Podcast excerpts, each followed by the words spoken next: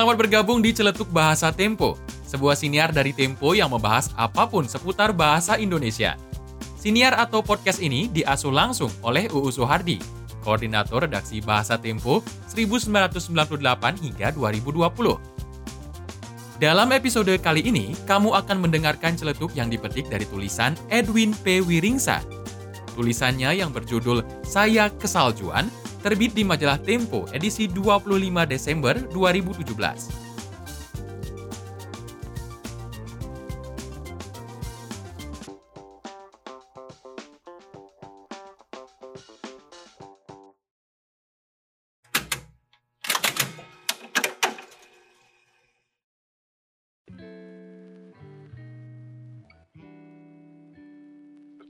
Konon, bahasa Indonesia sangat mudah dipelajari. Asalkan komunikatif, tidak apa-apalah kalau ada kesalahan ini dan itu. Yang penting dapat dimengerti. Namun, pemakaian bahasa Indonesia dengan tujuan asal komunikatif saja itu jelas bertentangan dengan penggunaan bahasa Indonesia dengan baik dan benar. Apalagi mahasiswa penutur asing biasanya belajar untuk mampu berkomunikasi dalam bahasa baku atau standar. Tapi ternyata keputusan mengenai salah benarnya suatu ungkapan tidak selalu mudah. Berikut ini kisah ilustrasinya. Di Jerman, pernah ada mahasiswa yang telat masuk kuliah bahasa Indonesia bagi penutur asing atau BIPA. Dengan menggunakan bahasa Indonesia, dia berkata, Maaf, maaf saya terlambat, saya kesaljuan. Meskipun maksudnya jelas, tapi terdengar aneh bagi telinga Indonesia. Anekdot tersebut pernah menjadi topik pembicaraan dalam lokakarya BIPA cabang Jerman di Konstanz. Rekan saya, Poppy Syahaan, yang hadir dalam lokakarya itu, bertanya kepada saya, apakah ungkapan saya kesaljuan boleh dipakai atau tidak? Pengajar BIPA di Universitas Kolon ini belum pernah mendengar ekspresi saya kesaljuan sehingga ia ragu akan kebenarannya. Tapi seorang dosen yang mempermasalahkan kalimat tersebut justru mencela penggunaan kata kesaljuan dengan argumen bahwa kata ini tidak idiomatis, yaitu tidak biasa dalam bahasa Indonesia. Dengan kata lain, itu salah. Tidak dapat ditolak bahwa gejala alam itu tidak biasa bagi orang Indonesia, Ayah saya yang lahir di tanah Betawi, Jakarta pada 1932 dan terpaksa pulang ke Belanda setelah kemerdekaan Indonesia, dulu suka bercerita bahwa ketika pertama kali ia terkena salju, dikiranya kehujanan kapas. Ternyata secara resmi, kata kesaljuan sama sekali tidak diakui. Kata tersebut tidak terkandung dalam kamus-kamus baik Eka Bahasa maupun Dwi Bahasa. Buku-buku referensi tata bahasa baku bahasa Indonesia pun tidak menyebutkan contoh kata kesaljuan dalam pembahasan kean.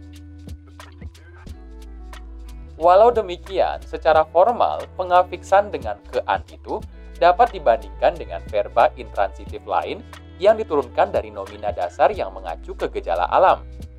Misalnya kebanjiran, yang berarti dibanjiri, dan kehujanan, yang berarti dihujani atau kena hujan. Menurut kata pengantar buku Tata Bahasa Baku Bahasa Indonesia terbitan 1988, tata bahasa tidaklah bermaksud membatasi keluasan orang berbahasa dalam percakapan sehari-hari. Jadi, kalau kehujanan boleh dipakai, mengapa kesaljuan tidak? Namun yang menjadi pokok persoalan ialah apakah kata turunan semacam kehujanan dan kebanjiran masih produktif? Pencarian di internet tidak menghasilkan banyak contoh, tapi terbukti orang Indonesia tidak memperlakukan bahasa nasionalnya sebagai bahasa yang statis. Bandingkanlah contoh dari blogger ini tentang pengalamannya pada 2011 di Korea. Sebenarnya saya punya buku cantik yang masih ya dibaca, tapi lagi saya tinggal di lab karena Kamis ini saya kehujanan dan kesaljuan.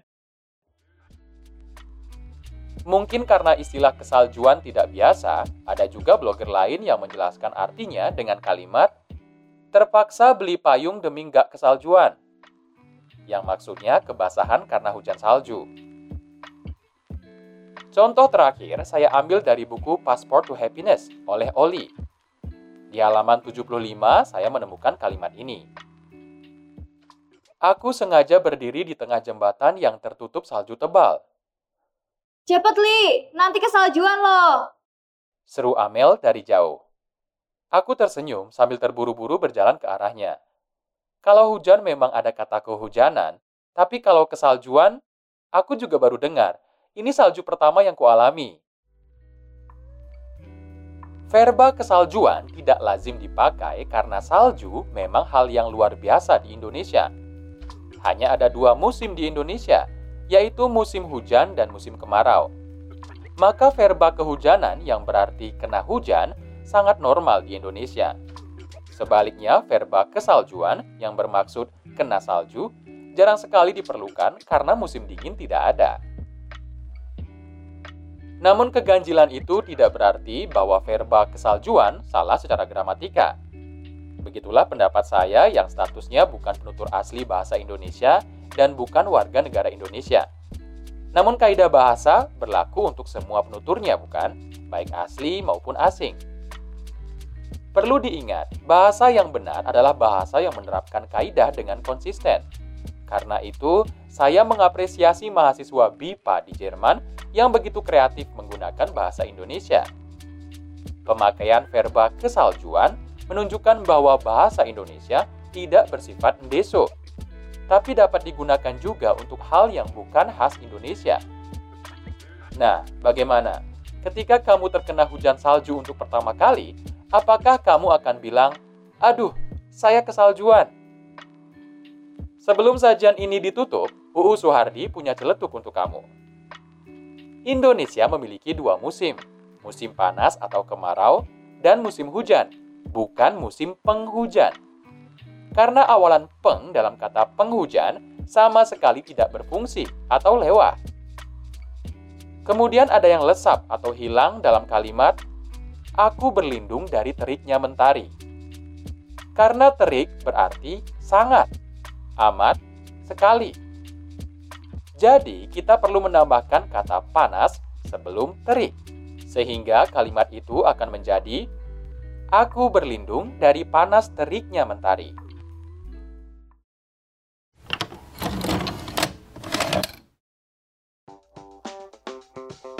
Terima kasih sudah menyimak siniar celetuk bahasa Tempo bersama UU Suhardi hingga akhir. Kalau kamu tertarik menyimak celetuk-celetuk lainnya, kamu bisa membaca rubrik bahasa dengan mengakses majalah.tempo.co. Saya Dewa Made, pengisi suara di episode kali ini. Nantikan episode selanjutnya tiap awal pekan. Salam